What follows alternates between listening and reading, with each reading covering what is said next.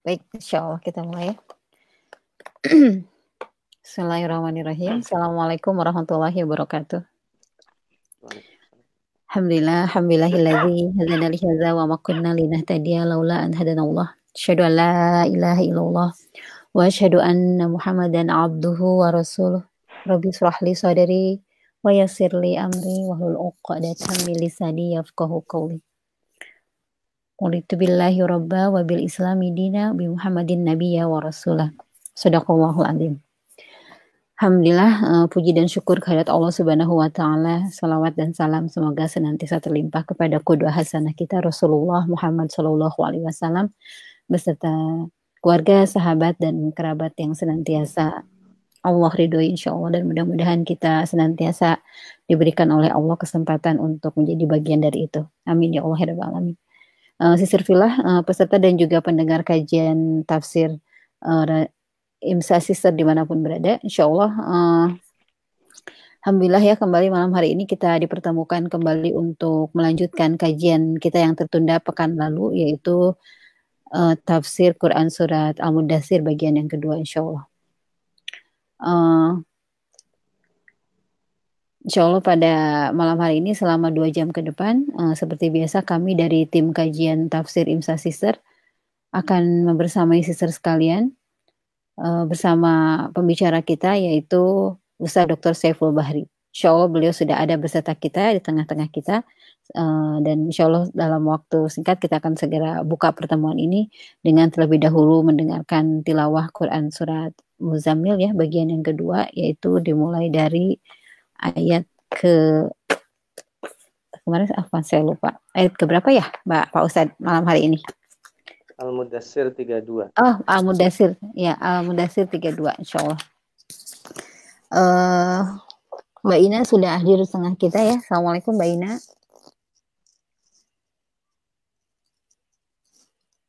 Halo Assalamualaikum Mbak Ina. Sudah bisa mendengar? Oh Mbak Ina belum masuk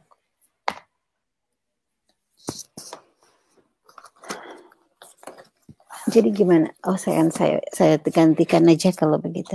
Insya Allah. Al-Mudasir ayat 32 ya, insya Allah.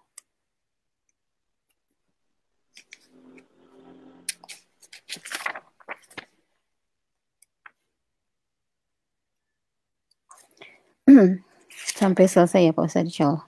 Ya. A'udzu billahi minasy syaithanir rajim. بسم الله الرحمن الرحيم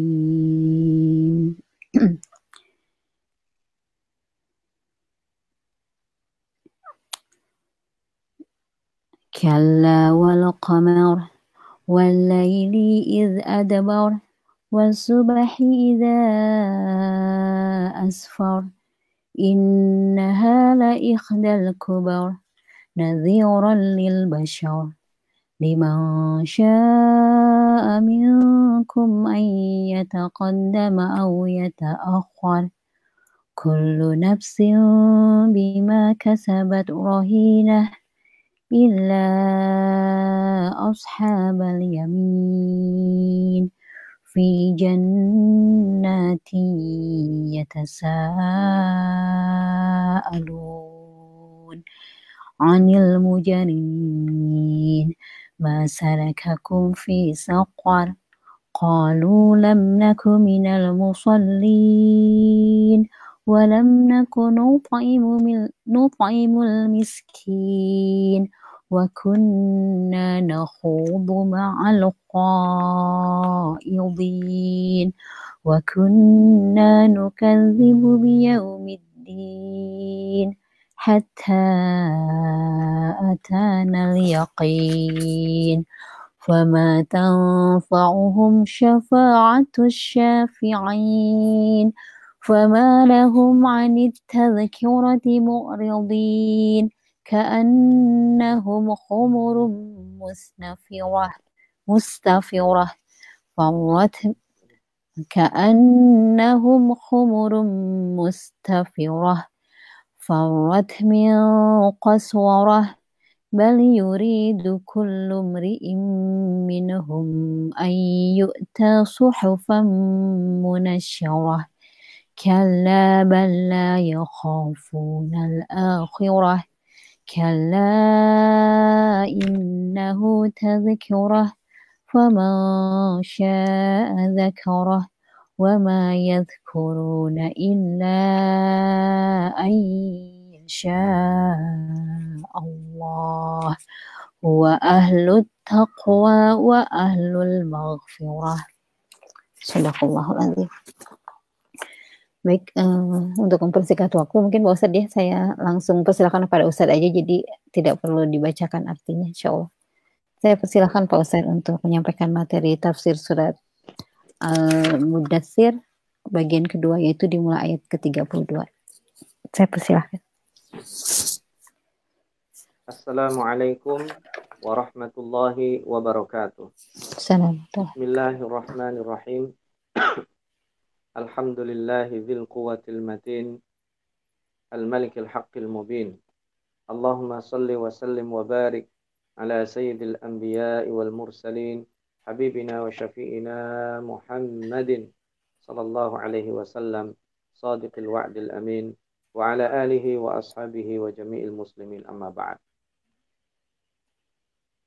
Akhwat yang dimuliakan Allah, saudara-saudariku yang saya cintai karena Allah, para pecinta Al-Quran, para pendengar, pemirsa, kajian tafsir online Imsa Sister. kita bersyukur kepada Allah Subhanahu wa taala yang memberikan kesempatan kepada kita kembali untuk dipertemukan melalui wasilah dan sarana Al-Qur'an. Mudah-mudahan pertemuan kita di lini masa yang berbeda kelak menjadi salah satu sebab dipertemukan kembali kita di surga Allah Subhanahu wa taala. Dan mudah-mudahan eh, kecintaan kita terhadap Al-Qur'an yang terefleksikan salah satunya dengan kajian, dengan membaca, dengan mengajarkan menjadi sebab di antara kita dan nantinya akan ditulis sebagai ahlul Quran. Amin. Allahumma amin. Pada kesempatan kali ini kita akan melanjutkan kajian atau tadabur surat Al-Mudathir yang kedua, melanjutkan yang sebelumnya yang sempat terjeda di ayat 31. Seharusnya ayat 31 ini langsung e, masuk ke ayat 35. Tetapi menariknya Allah SWT memberikan jeda supaya kita berpikir. Sebelumnya saya akan coba mengulang sedikit di ayat 31 untuk refresh saja. A'udzu billahi minasyaitonir rajim. وما جعلنا أصحاب النار إلا ملائكة وما جعلنا عدتهم إلا فتنة إلا فتنة للذين كفروا ليستيقن الذين أوتوا الكتاب ويزداد ويزداد الذين آمنوا إيمانا ولا يرتاب الذين أوتوا الكتاب والمؤمنون. Dan kami tidak menjadikan penjaga neraka. Ashabun nar di sini uh, bukan penghuni neraka. Tetapi yang dimaksud adalah penjaga neraka. Jadi Allah hanya menjadikan penjaga neraka dari malaikat. Sehingga malaikat itu tidak mungkin istirahat tidak mungkin bisa disuap, tidak mungkin bisa dibujuk, bahkan mereka tidak mungkin memiliki rasa belas kasihan. Jadi malaikat penjaga neraka dan secara tematik pada kesempatan kali ini dibahas adalah neraka sakor. Ini mereka adalah malaikat yang spesifik berada di dalam neraka. Dan kata Allah, "Wa ma iddatahum illa fitnah." Jumlah mereka itu adalah ujian. Yang Allah sebutkan kemarin 19 itu adalah ujian. Kita sudah menjelaskan ya. Supaya apa? Supaya orang-orang yang mendapatkan info tentang itu, utul kitab melalui kitab-kitab mereka, ini tidak ragu untuk melakukan kebaikan, mengimani kebaikan yang telah mereka yakini, dapatkan dari Rasul mereka. Dan supaya wayazdadalladina amanu imanan, supaya orang yang beriman ini semakin hari semakin uh, motivasinya meningkat.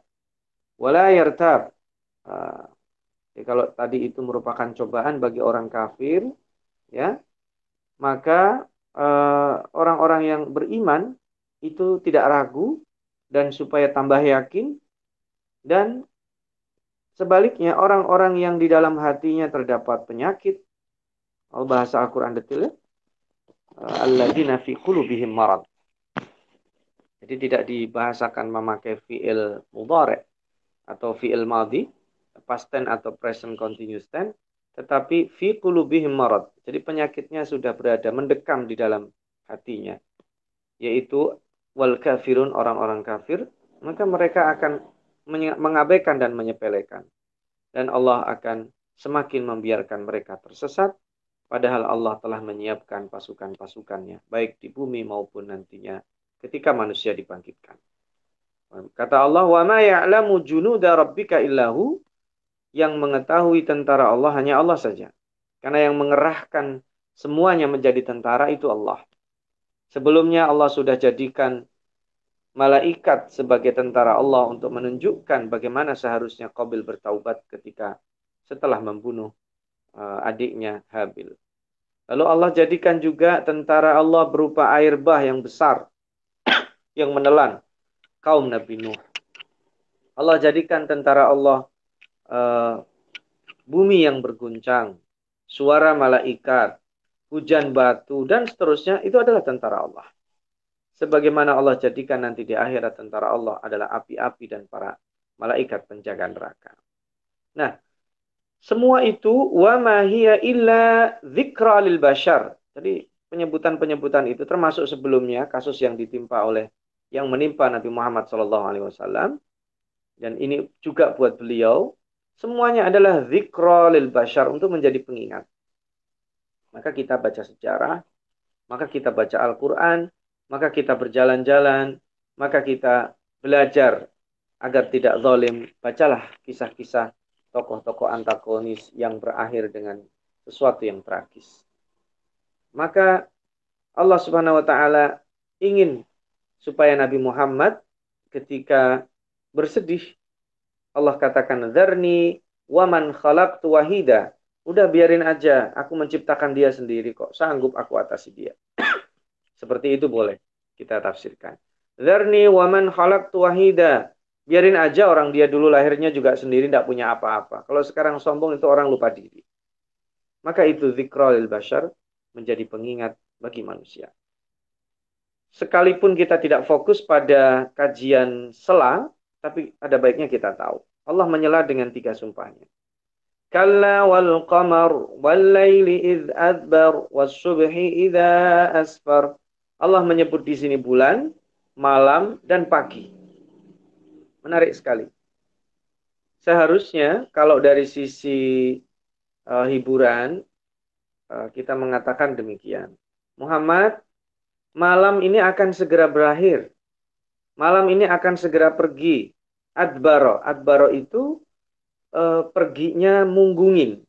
Jadi kita, kita kalau pergi posisinya e, punggung kita di belakang orang yang kita lepas itu disebut adbar. Mohon maaf dari kata-kata dabaro, dubur itu pasti di belakang. Maka kalau adbaro itu kita pergi memunggungi, membelakangi. Nah, cepat atau lambat kamu lihat atau tidak lihat, maka malam itu akan pergi. Wasubhi idza asfar. Subuh juga akan semakin terang. Karena subuh itu sebentar aja. Kita sholat fajar sebentar, nggak lama kemudian subuh. Apalagi kalau di negara-negara Eropa mungkin atau Afrika atau Kanada, eh, Amerika atau Kanada, eh, kalau sedang summer, mungkin eh, perbedaan malam dengan siang tidak terlalu terlalu kelihatan karena panjangnya malam dan malam juga tidak gelap. Maka itu akan semakin terang, akan semakin terang. Nah, ini mengindikasikan apa? Allah Subhanahu wa taala ingin supaya manusia itu bersabar ketika hidup di dunia. Bulan saja kenapa disebut? Karena bulan berproses. Lihat wal qamar, kalla wal qamar, lihat bulan. Ada ada bulan sabit, makin besar, makin besar, makin besar. Kamu lihat bulan purnama indah sekali dilihat. Nanti setelah itu apa? mengecil, mengecil, mengecil, mengecil, hilang. Datang yang baru lagi. Seperti sekarang kita sudah memasuki hari yang ketiga atau kalau kita hitung dari Jumat di Indonesia sekarang memasuki hari yang keempat. Jumat, Sabtu, Ahad, Senin. Hari keempat bulan Rajab. Ini kecil, mengecil, membesar, membesar, membesar sampai besar. Supaya kita paham itu proses. Dan kita dalam beribadah ada kalanya menggunakan matahari seperti sholat. Berlaku untuk selama-lamanya tidak berubah. Tetapi kita berpuasa menggunakan kalender bulan karena ada siklus dipergilirkan. Seandainya kita puasa menggunakan kalender matahari tidak adil. Mungkin kalau seandainya sekarang orang-orang yang ada di belahan bumi utara bulan Ramadannya siangnya akan panjang. Berat bagi mereka. Tapi orang-orang yang ada di bagian selatan ringan bagi mereka. Karena selain musim cukup dingin, itu siangnya juga tidak terlalu lama. Tapi nanti dipergilirkan. Nanti suatu ketika yang di belahan bumi utara puasa di musim dingin dan yang di belahan selatan puasa di musim panas. Maka ini kita tahu Allah ingin kita melihat proses. Jika sekarang kamu sengsara, biarin aja orang itu. Kamu tugasnya berdakwah aja, sampaikan. Kamu di, di, ditanggapi, direspon seperti apa, jalan saja. Walaili id adbar, maka demi malam itu akan pergi. Mereka akan mati. Mereka akan hilang. Mereka akan membelakangimu. Sekarang kamu dibelakangi, ya cuek saja. Nanti pun mereka akan membelakangimu dalam artian akan hilang, akan lewat. Malam akan pergi datang pagi. Pagi menawarkan hiruk pikuk, menawarkan cahaya yang uh, terang, menawarkan hawa yang segar, luar biasa. Nah ini sebagai selingan. Kembali Allah bicara tentang neraka sakor. Supaya kita tahu, kita sabar saja kalau seandainya responnya kurang menyenangkan, atau kita sedang sakit, atau kita sedang sudah maksimal tapi ternyata ada kendala. Innaha la ihdal kubar nadhiran lil bashar. Neraka sakor itu, subhanallah, menjadi satu cobaan yang besar, menjadi fitnah yang berat, menjadi uh, apa yang akan membuat manusia itu menjadi uh, bencana yang tidak bisa dilawan. Kalau kalau di dunia kita lihat bencana besar itu kalau ada tsunami, gempa bumi, atau mungkin kalau di Amerika yang sering kita baca dan kita lihat di tanah air ada apa angin ya angin topan dan lain sebagainya.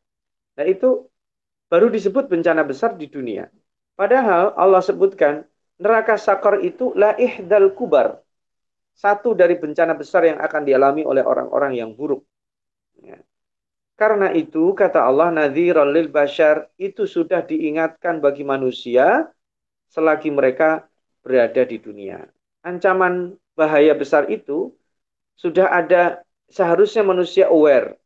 Ada awarenessnya yang disampaikan oleh para ambia. Kira-kira kalau kita punya prediksi akan terjadi banjir besar, akan terjadi badai besar, itu sebagian kadang manusia sudah diprediksi, sudah bisa memprediksi dan kemudian dikasih tahu kepada publik, manusia bisa menyiapkan. Orang yang cerdas adalah menyiapkan akan bahaya besar itu. Sementara orang yang merasa aman-aman saja nanti akan menyesal. Ada juga ada kalanya bencana besar itu tanpa peringatan. Tetapi ini khusus untuk hari kiamat, khusus untuk neraka-neraka yang disediakan oleh orang oleh Allah kepada orang-orang yang durjana, itu sudah diberikan persiapannya. Kita sudah diberikan bah, uh, maklumat dan informasi bahwa akan menjadi ancaman yang besar. Liman syaa minkum ayyataqaddama aw yata'akhkhar bagi siapa? Bagi di antara mereka yang mau ya berbuat atau kemudian menunda. Ini bahasa yang yang dipakai menarik ya. At-taqaddum wa ta'akhur. Menyegerakan dan menunda. Ah, saya mah sholat ntar aja kalau sudah pensiun. Saya menutup aurat nanti saja kalau sudah menikah. Saya menghentikan mabuk kalau sudah punya anak misalnya. Saya, nah itu ta'akhur. Dia berandai-andai Padahal tidak tahu ajalnya akan datang kapan. setiap kita ini ajalnya ada, tetapi menjadi misteri dan dirahasiakan oleh Allah. Karena supaya manusia aware selamanya dan siap. Orang yang siap, maka orang itu akan siaga. Kesiagaan kita seharusnya seperti petugas pemadam kebakaran. Ada informasi kebakaran di tempat bulan, di tempat A, langsung dia bangkit dan bergerak. Sekalipun pada saat itu berada di belai selimut, kum fa'anzir. Itu makna bahwa kita siap bukan hanya menerima panggilan, tapi siap menyampaikan. Kullu nafsin bima kasabat rahima. Karena setiap jiwa akan bertanggung jawab rahina. Atau dalam bahasa hadis murtahan. Murtahan itu uh, sudah terjemahkan dari dengan bahasa Indonesia. Tertahan dia murtahanun, tergadekan. Rohina, dia tertahan. Karena nanti tidak dikasih lewat. Tertahan itu akan dimintai pertanggungjawaban. Sebagian besar manusia murtahanun, rohinatun. Dia akan tertahan. Kecuali sedikit di antara manusia yang dilewatkan oleh Allah Subhanahu wa taala. Dilewatkan itu kan maksudnya masuk surga tanpa hisab. Begitu dibangkitkan, sudah ada tanda-tanda mereka, udah kamu langsung to the point ke sana malaikat sudah menunggu untuk kloter pertama yang masuk surga tanpa melalui hisap. Sementara yang lain ada yang lama di tempat menunggu. Yang lain ada yang ke sana kemari kepanasan.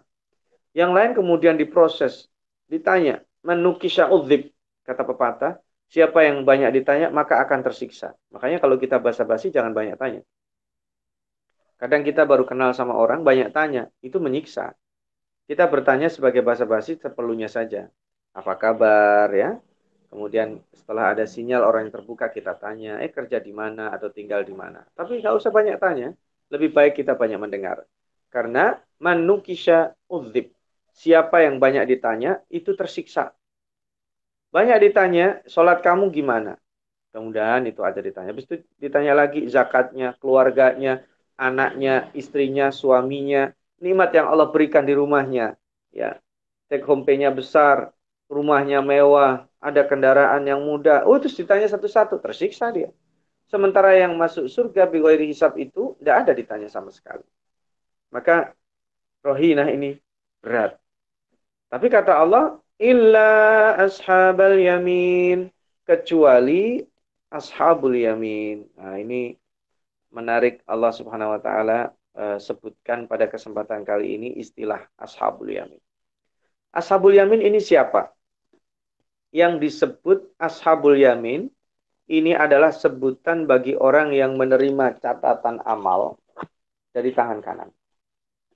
Ini kita sudah pernah mengkaji ya secara berturut-turut tempo hari kita membahas dengan uh, surat ada surat Al-Infitar, Al-Insyiqaq, ada Al-Mutafifin. Uh, itu masing-masing menjelaskan proses pencatatan, kemudian penyimpanan dan nanti diterima di dalam surat Al-Insyiqaq ya.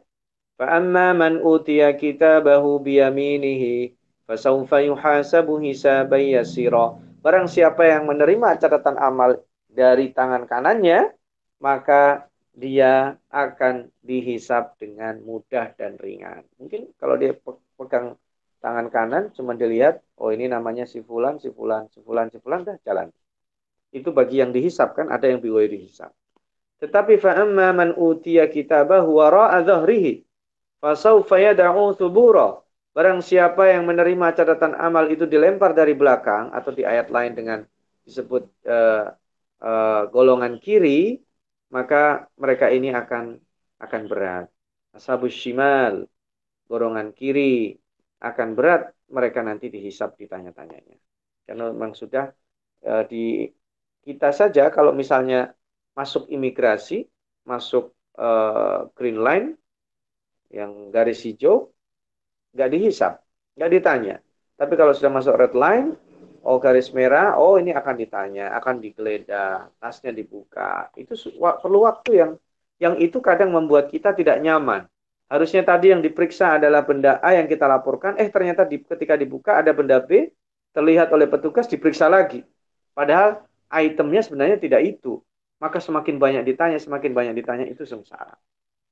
Nah, sebaliknya fi jannatin yatasaalun tadi ashabul yamin tidak ditanya-tanya langsung masuk surga.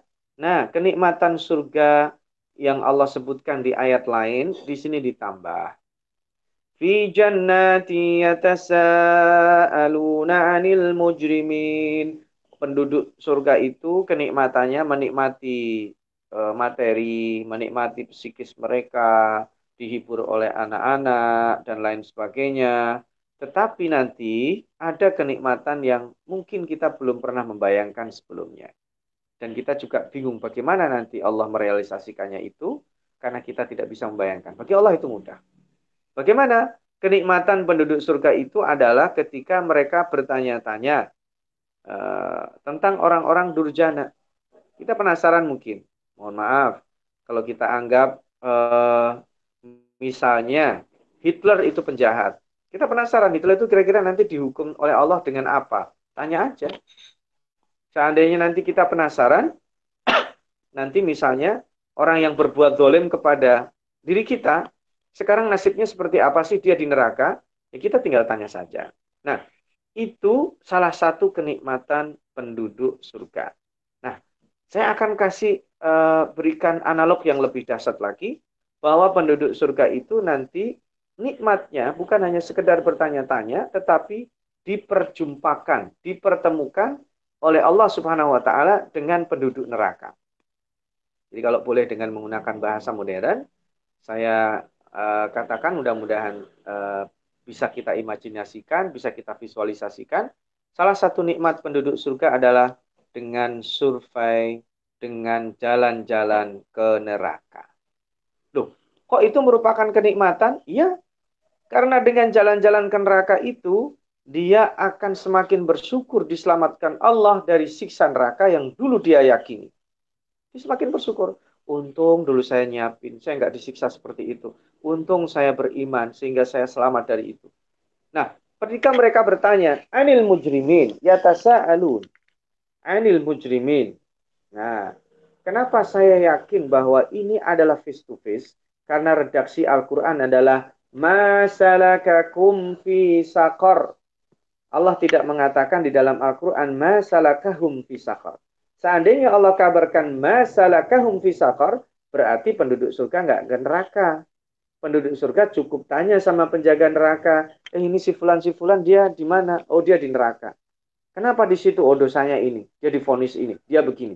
Tidak, tetapi Allah beri kesempatan penduduk surga untuk pergi ke neraka langsung, meninjau lokasi langsung, berbicara langsung, melihat langsung, masalah kakum fisakor apa yang menyebabkan kalian masuk neraka.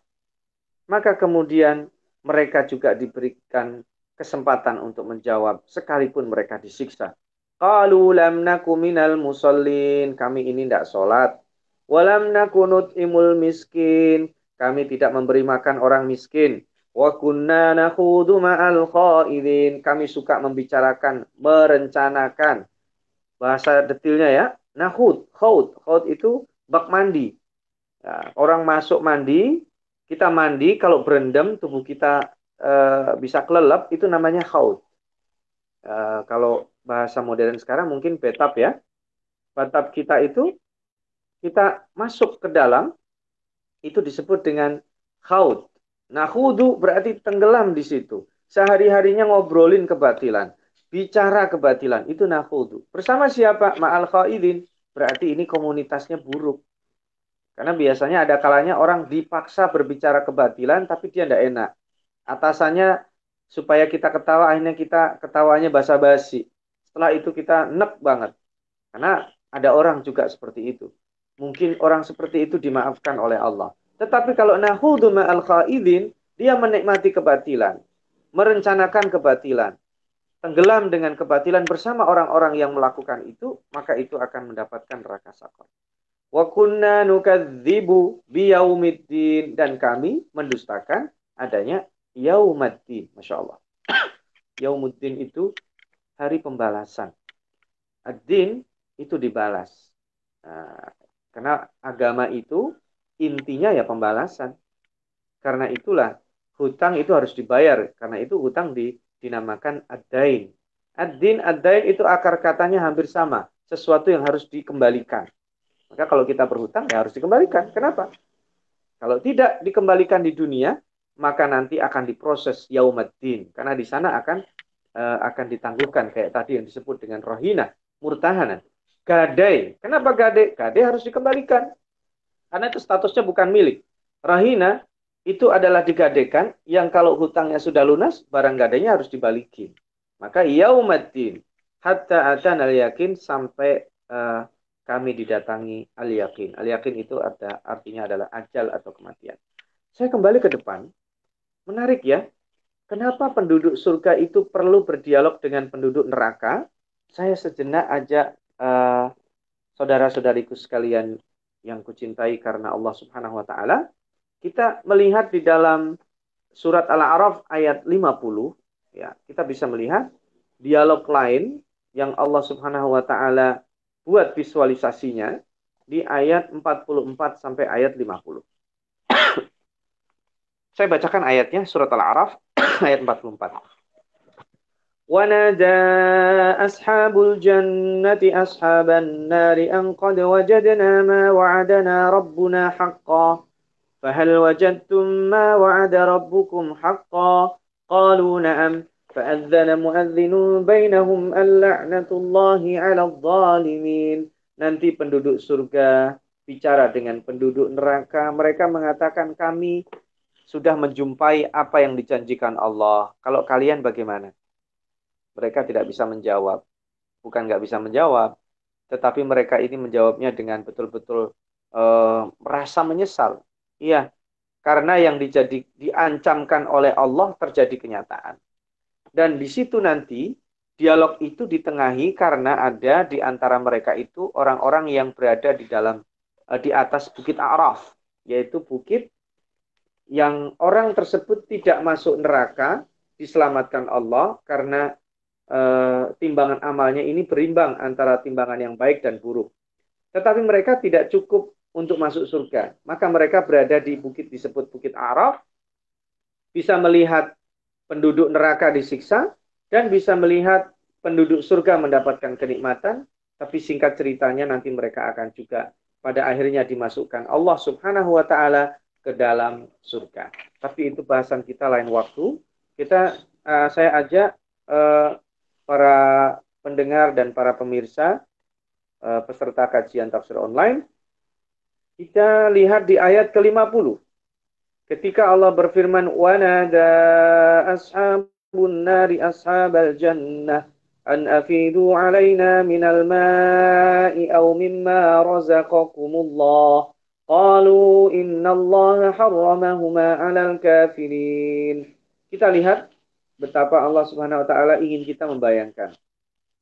Kalau tadi penduduk surga bertanya, kami udah dapat ini, dapat ini, dapat ini, kamu gimana? Yang dulu dikatakan Allah ancaman sewaktu di dunia ada enggak? Mereka pasti mengatakan iya. Dan kata Allah, fa'adzana mu'adzin, sudah diputuskan, sudah diumumkan, dan mereka tidak bisa menolak. Ada yang mengatakan bisa jadi ashabul jannah dengan ashabun nar ini berdialog sebelum mereka masuk masuk neraka. Ada, boleh juga kalau kita artikan itu. Tetapi kalau kita gabungkan dengan ashab, ashabul yamin yang ada di dalam Al-Mudathir, dialog mereka bisa jadi juga di dalam e, neraka itu sendiri. Maka ketika ashabul yamin menanyakan kepada penghuni neraka sakor, ashabul yamin yang sedang jalan-jalan ke neraka, itu mereka membawa makanan dan minuman. Ketika mereka membawa makanan dan minuman, tentu itu menyiksa. Menyiksa sekali.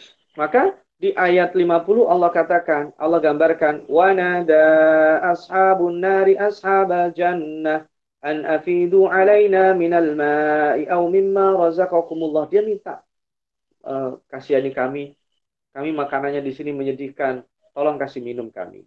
Karena itu yang dibawa penduduk surga itu ketika jalan-jalan ya kita aja di dunia kalau jalan-jalan bawa bekal kan?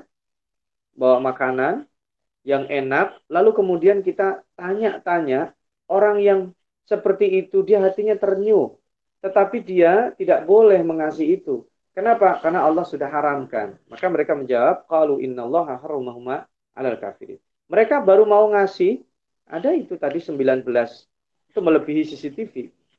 Maka malaikat yang menjaga neraka itu pasti tidak membolehkan. Eh, tidak boleh di sini untuk memberi makanan. Kita saja kalau pergi ke kebun binatang, ada peraturan dilarang memberi makanan kepada hewan. Ya kan?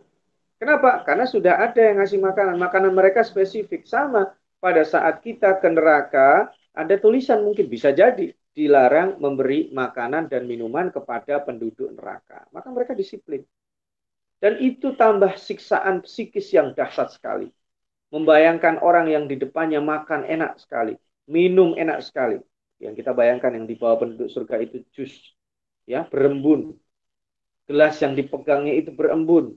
Bagaimana mereka akan akan merasa uh, tersiksa sekali? Itu satu. Yang kedua, pertanyaan itu juga menyiksa. Kenapa pertanyaan menyiksa? Karena mereka posisinya sedang disiksa, digebukin. Kalau ada orang bertanya, mohon maaf, ini tidak bermaksud menyamakan, tapi supaya kita bisa visualisasikan. Ada, uh, jangan tetangga lah, orang yang kita kenal lah, cukup dekat, tiba-tiba tertangkap karena menggunakan atau user atau mungkin pengedar narkoba. Nah, untuk bilang Mudah-mudahan kita diselamatkan dari kondisi itu. Seandainya itu terjadi, kemudian kita teman dekatnya nanya, lo kok bisa lo kamu sudah tahu itu barang haram kok kamu konsumsi? Itu pertanyaan itu makin membuat dia sakit. Pertanyaan itu menyakitkan. Kalau kita tanya, loh kok kamu masuk neraka sakor? Itu sudah sakit. Kemudian dia pergi, datang orang lagi nanya. Karena yang jalan-jalan ke neraka sakor bukan hanya penduduk surga satu dua orang, satu dua kelompok, akan berkelompok-kelompok. Sebagaimana kita datang ke kebun binatang yang melihat oh ini ada gajah, itu bukan hanya satu orang, dibuka terus. Mungkin ada hari istirahat, bukan hari istirahat bukan binatangnya, itu di dunia. Kalau di neraka tidak ada hari istirahat, tidak ada hari nyaman mereka. Pada saat mereka ditengok oleh penduduk surga dengan membawa kenikmatan itu, luar biasa tersiksanya mereka. Sudah gitu ditanya. Mereka mungkin bertanya begini, tega ya kalian, saya lagi disiksa ditanya-tanya. Tidak bisa, harus menjawab. Mereka tidak mungkin, tolong dong rekamin malaikat supaya kalau ada yang tanya langsung diputar rekamannya. Tidak bisa. Harus hadapi langsung. Kamu harus gentle. Harus betul-betul face to face kamu hadapi, kamu jelaskan kenapa kamu disiksa. Supaya itu mendepak, membuat nikmat penduduk surga berlipat-lipat. Alhamdulillah saya dulu sholat. Alhamdulillah saya ngasih makan orang miskin. Alhamdulillah saya kalau diajak ngomong kebatilan itu e, bisa ngeles. Oh, mohon maaf ya saya ada pertemuan akhirnya dia pergi diajak ngomongin orang dia tidak menikmati, diajak merencanakan kebatilan dia berusaha untuk menghindar. Tapi kalau dia menikmati, tidak sholat, tidak me memberikan apresiasi kepada orang miskin, apresiasi yang dimaksud adalah menolong mereka dan bahkan kadang melarang mereka, sudah begitu tidak percaya hari pembalasan. Lengkap. Maka itu akan tersiksa. Di saat yang sama makanan mereka digambarkan Al-Quran apa? Hamim. Insya Allah. Rislin. Dori. Itu makanan mereka. Dori itu adalah eh, duri-duri uh, yang kering, tajam. Digambarkan oleh para pakar bahasa. Dori itu kalau ada onta mau mati, dia milihan mati daripada makan itu dori. Lapar, haus, tidak ada makanan kecuali dori. Itu onta milihan mati daripada makan dori itu nanti yang akan menjadi makanan penduduk neraka. Kemudian minumannya apa? Hamimin. Itu yang sangat panas. Panasnya itu lebih panas dari cor-coran timah. Tidak bisa ngebayangin. Gimana cor-coran timah itu dijadikan minuman? Dan sudah begitu, itu sangat bau sekali. Hamimin, rislin, bau, dan seperti nanah. Na'udzubillah itu orang yang makanannya begitu melihat tersiksa. Jangankan begitu di dunia, kalau sedang musim paceklik, orang kelaparan tidak makan, kemudian ada orang kaya mempertontonkan kekayaannya, itu nyiksa. menyiksa dan orang itu mempertontonkan itu dia puas tapi itu tidak sehat kalau dilakukan di dunia ya sekali lagi kalau mempertontonkan kenikmatan di dunia itu tidak sehat kenapa karena dia tidak menjaga perasaan sementara kalau di akhirat itu justru menjadi bagian daripada kenikmatan penduduk surga udah gitu yang diajak jalan-jalan siapa yang diajak jalan-jalan istrinya Memang ada ada ada kalanya berduaan dengan istri. Ada kalanya. Loh, yang diajak jalan-jalan istrinya. Kan dia punya istri banyak. Istri yang lainnya yang Allah katakan bidadari itu maksuratun fil khiyam. Mereka itu dipingit. Jadi mereka tidak keluar istana. Jadi mereka berada di dalam uh, di dalam surga. Jadi ibu-ibu tidak perlu khawatir dan tidak perlu cemburu dengan para bidadari itu. Karena bidadari itu hanya berada di dalam istana melayani suami-suami mereka. Sementara ibu-ibu yang masuk surga kan statusnya bukan bukan pelayan. Statusnya adalah orang yang dilayani, maka ibu-ibu yang masuk surga juga punya hak untuk jalan-jalan ke neraka. Ih, serem banget ya. Seram, tetapi coba dibayangkan bagaimana manusia bisa masuk neraka tapi dia menikmati. Padahal itu serem. Di dunia saja, di dunia nih ya, saya juga termasuk tidak suka. Ada orang yang hobinya masuk ke tempat-tempat horor. Uh, ada apa visualisasi tempat-tempat horor ada disebut di taman fantasi itu tempat-tempat horor. Suka orang kenapa? Bisa teriak bebas. Nah, itu kan di dunia. Ini di akhirat horornya betul. Menyaksikan orang meleleh tulangnya. Kemudian diutuh lagi. Serem dia. Tapi seremnya itu kemudian dia bersyukur. Alhamdulillah saya nggak digitukan. Alhamdulillah nggak dikutukan. Ayo dong, bang kita tanya itu kenapa dia bisa dikutukan? Masalah kakum fisakor tadi nggak sholat, nggak bersedekah, kemudian merancang menikmati kebatilan dan kemudian tidak percaya tidak percaya terhadap hari kebangkitan. Ini kan luar biasa. Orang nggak sholat, sholat kita fluktuasi, tapi tetap sholat. Gitu. Maka itu akan menjaga kita dari neraka sakar. Walam nakunut imul miskin itu menjaga kestabilan sosial.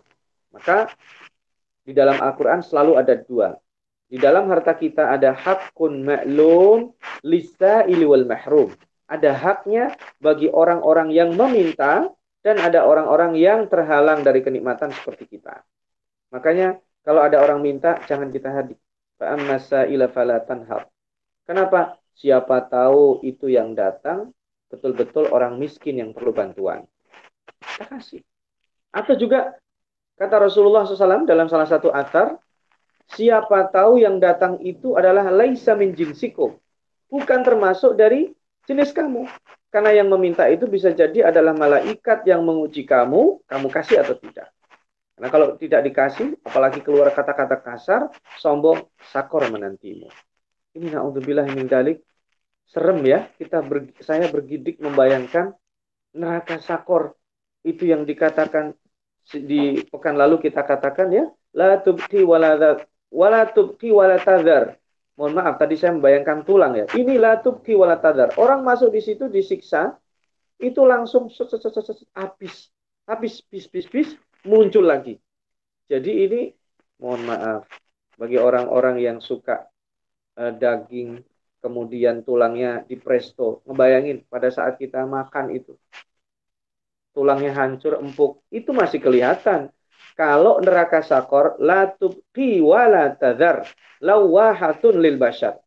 Tempo hari pernah Afakir gambarkan Abu Hanifah ya orang yang kaya raya sedang berjalan di Baghdad menangis. Menangis di sampingnya tukang yang jualan daging sedang dibakar. Itu kalau di orang Arab itu daging diputar sampingnya dikasih api itu. Ya kalau di Syam, di negara Syam dikenal dengan shawarma atau kebab kalau kita di Indonesia. Itu Imam Abu Hanifah menangis. menangis terseduh-seduh dia. Memandang itu daging yang dibakar. Nah, oleh sampai orang yang punya toko itu kemudian menyuruh petugasnya, pelayannya untuk ngasih daging kepada Imam Abu Hanifah. Imam Abu Hanifah menolak, maaf saya menangis bukan karena pengen makan. Abu Hanifah orang kaya. Ya dan uh, penjual toko itu penjaga, uh, yang pemilik toko itu tidak tahu kalau itu Abu Hanifah zaman itu belum ada sosial media jadi tidak bisa diketahui nah Abu Hanifah ketika ditanya, kenapa Anda menangis, Tuan? Saya menangis, itu yang dibakar, yang kamu bakar itu daging binatang yang sudah mati. Sementara nanti di akhirat, manusia yang dibakar oleh Allah itu kondisinya hidup-hidup. Makanya lawahatun lil bashar itu la tubqi wa itu menyeramkan. Baik, uh, Al-Fakir lanjutkan karena masih ada waktu yang terbatas. Di ayat ke-48. Wa ma tanfa'uhum syafa'atu syafi'in. Di hari itu orang-orang yang memintakan syafaat, remisi, pengampunan tidak bermanfaat kecuali diizinkan Allah. Nah ini di sini uh, ada pembicaraan detail tentang syafaat. Syafaat itu kelihatannya ringan, padahal sebenarnya berat. Karena tidak tidak semua keinginan kita dikabulkan. Lah kita kan sebagai teman, ya Allah, itu dulu teman dekat saya, tolong angkat dia dari neraka sakor, bisa dikabulkan, bisa tidak. Makna fama tanfa'uhum syafa'atu syafi'in, itu bukan syafaat seperti itu. Kalau kemudian ketika orang dimasukkan neraka sakor, dia bilang, oh saya dulu kenal dekat dengan si fulan yang sekarang masuk surga. Tidak bermanfaat itu. Oh dulu saya dekat dengan si ini yang sekarang masuk surga. Tidak bermanfaat. Tidak bermanfaat channel-channel pada waktu itu. Koneksi-koneksi, networking pada waktu itu tidak bermanfaat. Syafaat itu yang mengizinkan Allah. Tidak bisa orang enak-enakan kayak gitu. Di dunia kan kita nyebut nama aja, eh dapat salam dari si Fulan udah takut. Oh itu si Fulan adalah keponakannya ini, udah takut. Maka di akhirat tidak bermanfaat. Fama lahum anit mu'ridin. Yang mengherankan bagi penduduk surga bagi orang-orang yang menyaksikan mereka masuk neraka, kok mau mereka disiksa itu? Karena mereka kok bisa ketika mereka diingatkan di dunia, mereka termasuk orang-orang yang mu'ridin. Al-i'rad itu berpaling. Al-i'rad itu uh, bukan tidak ada, sudah ada. Saya nggak mau makan. Kalau tidak ada makanan, nah itu tidak ada pilihan. Tapi kalau ada makanan di depan saya, kemudian saya menolak untuk makan itu disebut i'rad. Ya, ada orang punya istri, dia berpaling ke perempuan lain itu disebut i'rad. Berpaling. Ya, kalau memang tidak ada istri, ya berarti dia mencari istri. Tapi kalau ada orang uh, punya yang halal, dia berpaling itu disebut mu'arif. Nah, ini ada aturan, Allah udah kasih, dia nggak pakai itu disebut mu'arif. Ini ada pintu rumah saya, kemudian sudah dibuka, tapi orang tidak masuk lewat situ, itu disebut mu'rid. Kemudian ada aturan, sudah dijelaskan, sudah faham, dia tidak melakukan, itu disebut mu'rid. Nah, kalau orang tidak tahu, Allah akan maafkan. Kalau orang Eh, tidak sadar Allah akan maafkan. Tapi ini famalahum anit. Ini sighatut ta'ajjub. Bagaimana mungkin neraka yang sesadis ini mereka tidak pernah membayangkan. Sudah kok, sudah dijelaskan mereka saja. Nah, maka Allah ingin menggambarkan permisalan lain. Ka'annahum humurum mustanfirah farrat min qaswarah. Perumpamaan orang-orang yang mendustakan hari kiamat termasuk neraka sakor ini seperti hanya sekumpulan humurun jamak dari himar mustanfirah al-istinfar itu yang di apa ya uh, dikagetin mereka cercerebre. Uh, lari tapi larinya nggak beraturan karena ada juga orang larinya beraturan. Kenapa? Karena saking ketakutan. Takut kenapa? Farat min kaswara. Larinya ini dari singa lapar singa lapar itu kalau sudah lapar dia berburu nggak nyantai. Dia berburunya beringas. Nah neraka itu memburu mereka beringas dan pasti kena. Apalagi ini, coba kalau kita detil ya, Allah menggambarkan yang diburu singa itu bukan kancil, ya, bukan rusa, yang larinya sesungguhnya rusa, kancil dan sejenisnya, satu marganya itu, itu larinya jauh lebih cepat daripada singa. Tetapi ini, nih, mohon maaf, lihat Ka'annahum humurun. Himar. Himar itu larinya pelan. Tidak ada cerita himar larinya kencang. Artinya apa? Sehebat-hebatnya himar itu lari, pasti akan ditekan oleh singa. Itu yang pertama. Kita membayangkan kenapa Allah ingin menggambarkan himar. Mohon maaf, kalau ada hewan keledai. Keledai itu konotasinya apa? Kalau digambarkan. Nah, keledai itu adalah konotasinya konotasi hewan yang bodoh. Padahal semua semua binatang sebenarnya sama, tidak punya akal. Tetapi saya juga tidak tahu kenapa keledai itu dijadikan ikon, dijadikan simbol orang itu bodoh. Keledai. Kenapa? Karena keledai dia ma ma menerima dirinya disiksa. Dia ma menerima dirinya disakiti. Karena keledai itu tidak bisa lari. Maka orang pada waktu itu pasrah mau diterkam-terkam saja. Ini membayangkan betapa hancurnya keledai sekalipun segerombolan itu mereka lari pasti tidak bisa lari ke mana-mana karena mereka tidak bisa tidak punya inisiatif tidak lincah padahal tubuhnya kecil tidak punya inisiatif tidak terbiasa maka keledai ini akan tidak bisa lolos dari siksaan Allah Subhanahu wa taala. Nah, uh, fakir persingkat supaya nanti kita bisa dialog.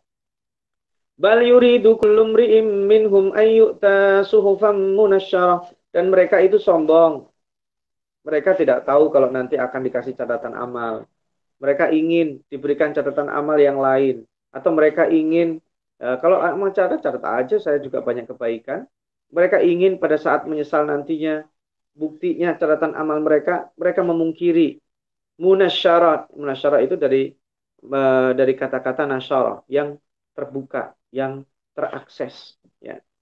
Kok mereka ingin kalla balla yakhafun al-akhirah karena mereka tidak takut akan hari akhir.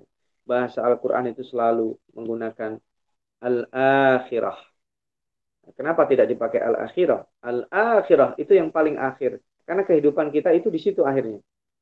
Konsep teologis dan filsafat tentang eskatologi. Kalau dalam kita belajar filsafat, ada namanya eskatologi. Kehidupan setelah mati. Dan konsep hari akhir menurut agama kita adalah hari yang tidak ada akhirnya. Karena Al-Quran selalu menggambarkan khalidina fiha. Selamanya, kekal. Maka rugi orang yang tidak menyiapkan hari itu. Kalla innahu tadkira.